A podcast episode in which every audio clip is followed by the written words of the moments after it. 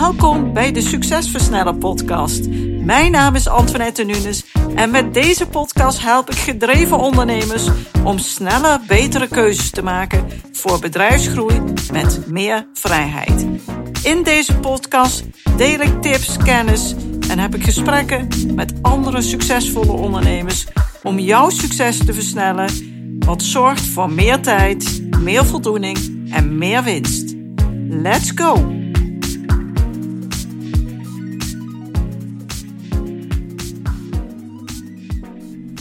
Goedemorgen, leuk dat je er weer bij bent. Of mocht je voor de eerste keer zijn, heel erg welkom bij de Succesversnellen podcast.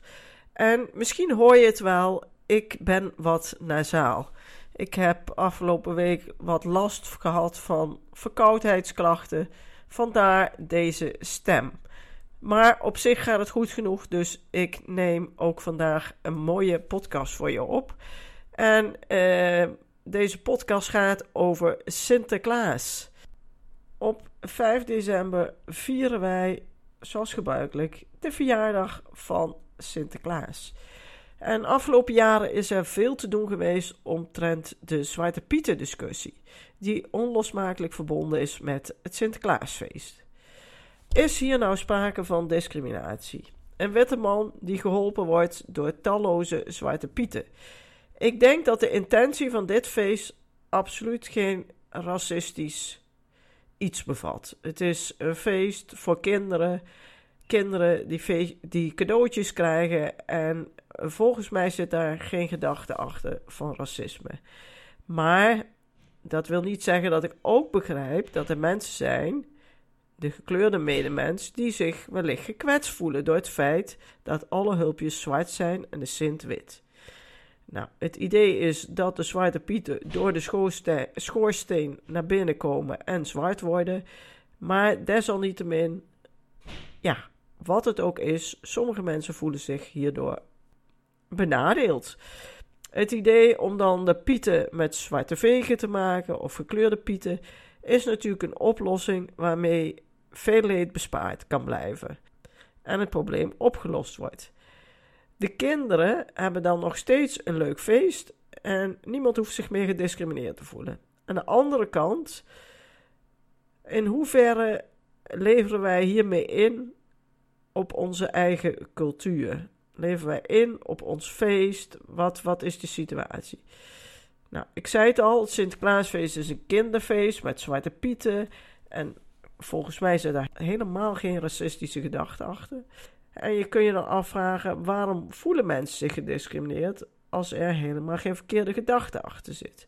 Nou ja, dat is een ingewikkeld verhaal. En ik wil zeker geen politieke discussie hier starten.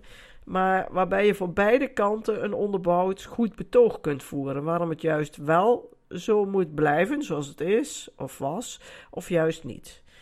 Nou, en dit gebeurt dus in ons dagelijks leven ook.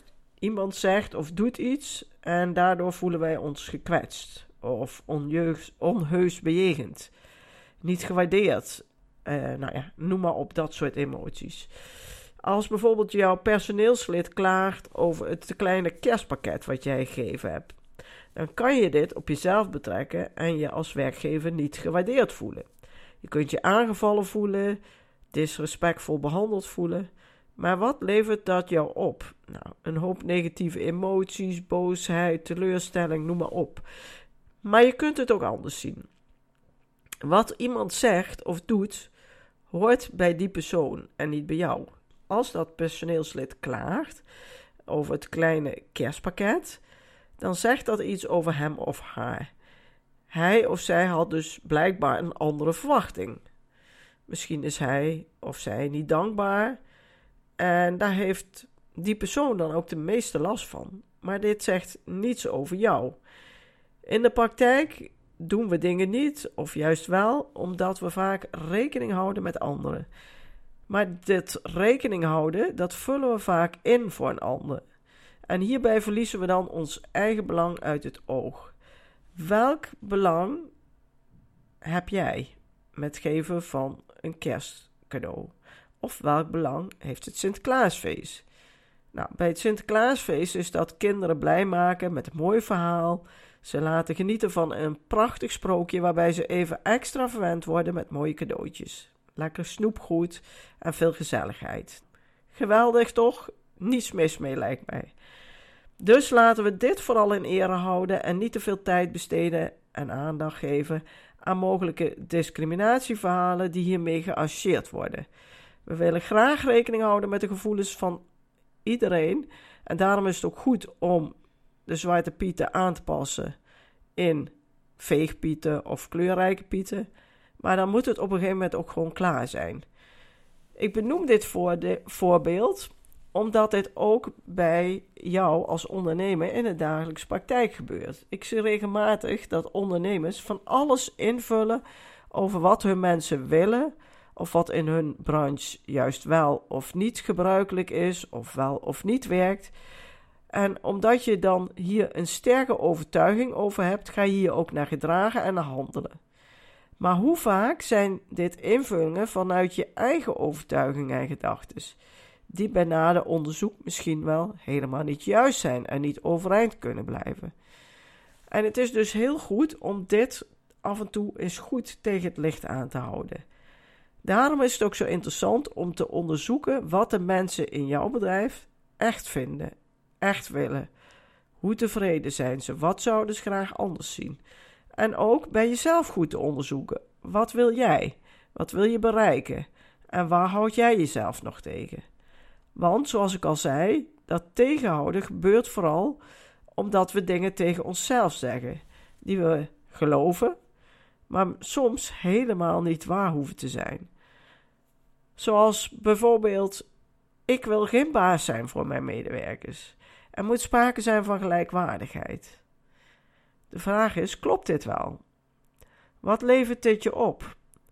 Als jij de ondernemer bent van een bedrijf, dan betekent dit automatisch dat je de baas tussen aanhalingstekens bent.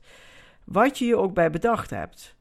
Maar met deze overtuiging van dat de baas iets vreselijks is, dan kan dat een behoorlijke rem zijn op je groei en op je ondernemerschap. Wat versta jij dan onder de baas zijn? Wat voel je hierbij? Misschien vind je het dominant klinken, het, heb je daar een dominant beeld bij. Autoriteit, wat je waarschijnlijk niet wilt. Je wilt toegankelijk zijn voor je medewerkers. Je wilt een veilige en betrouwbare uh, werkgever zijn voor je mensen. Maar voor jouw gevoel is een baas dat helemaal niet. Wees je bewust dat wat jij gelooft niet per se waar hoeft te zijn. Je kunt namelijk een hele goede, liefdevolle, inspirerende baas zijn. Dan ben je nog steeds de baas, maar niet die verschrikkelijke die jij denkt dat een baas is. Een werkgever die een optimaal veilig en inspirerend klimaat creëert voor zijn medewerkers is ook een baas. Hoe voelt dat voor jou? Voelt dat niet gelijk heel anders? Dus wat je verbindt aan een woord of zin, bepaalt al voor een belangrijk deel wat je wel of niet gaat doen. Jouw gevoel is hier super bepalend in. Het is goed om hier af en toe bij stil te staan, net zoals het discriminatieaspect bij het Sinterklaasverhaal. Wil je weten wat jouw medewerkers eigenlijk denken? Wil je weten hoe je nog een veel betere baas kunt zijn en veel meer uit je medewerkers haalt, terwijl zij zich meer gezien en gehoord gaan voelen? Denk dan eens na over een business MRI, waarbij we eenvoudig en snel voor een hele kleine investering dat precies voor je onderzoeken, zodat je op basis van een diagnose weet wat de situatie is en daarop handelt en oordeelt. Wil je meer weten over de Business MRI? Klik dan op de link onder in de show notes waarin ik meer informatie deel over deze mogelijkheid. Een kortere aflevering, want mijn stem is nog niet optimaal. Maar ik hoop je toch weer geïnspireerd te hebben met deze aflevering. En ik wens je een heel fijn Sinterklaasfeest. Geniet van vandaag, de zondag, wanneer je deze podcast beluistert. Of als je het op een later moment luistert, misschien de maandag op de verjaardag van Sinterklaas. Hoe dan ook, maak er een gezellig feestje van. Uh, en we gaan op naar kerst. Dankjewel en graag tot volgende week zondag. Bedankt voor het luisteren naar deze aflevering van de Succesversnellen podcast. Wil je vaker geïnspireerd worden over het versnellen van jouw succes en waardevolle kennis en tips krijgen over bedrijfsgroei, focus en productiviteit, als ook goede gesprekken met andere succesvolle ondernemers beluisteren? Abonneer je dan op deze podcast. Je ontvangt dan een berichtje als er een nieuwe aflevering voor je klaar staat.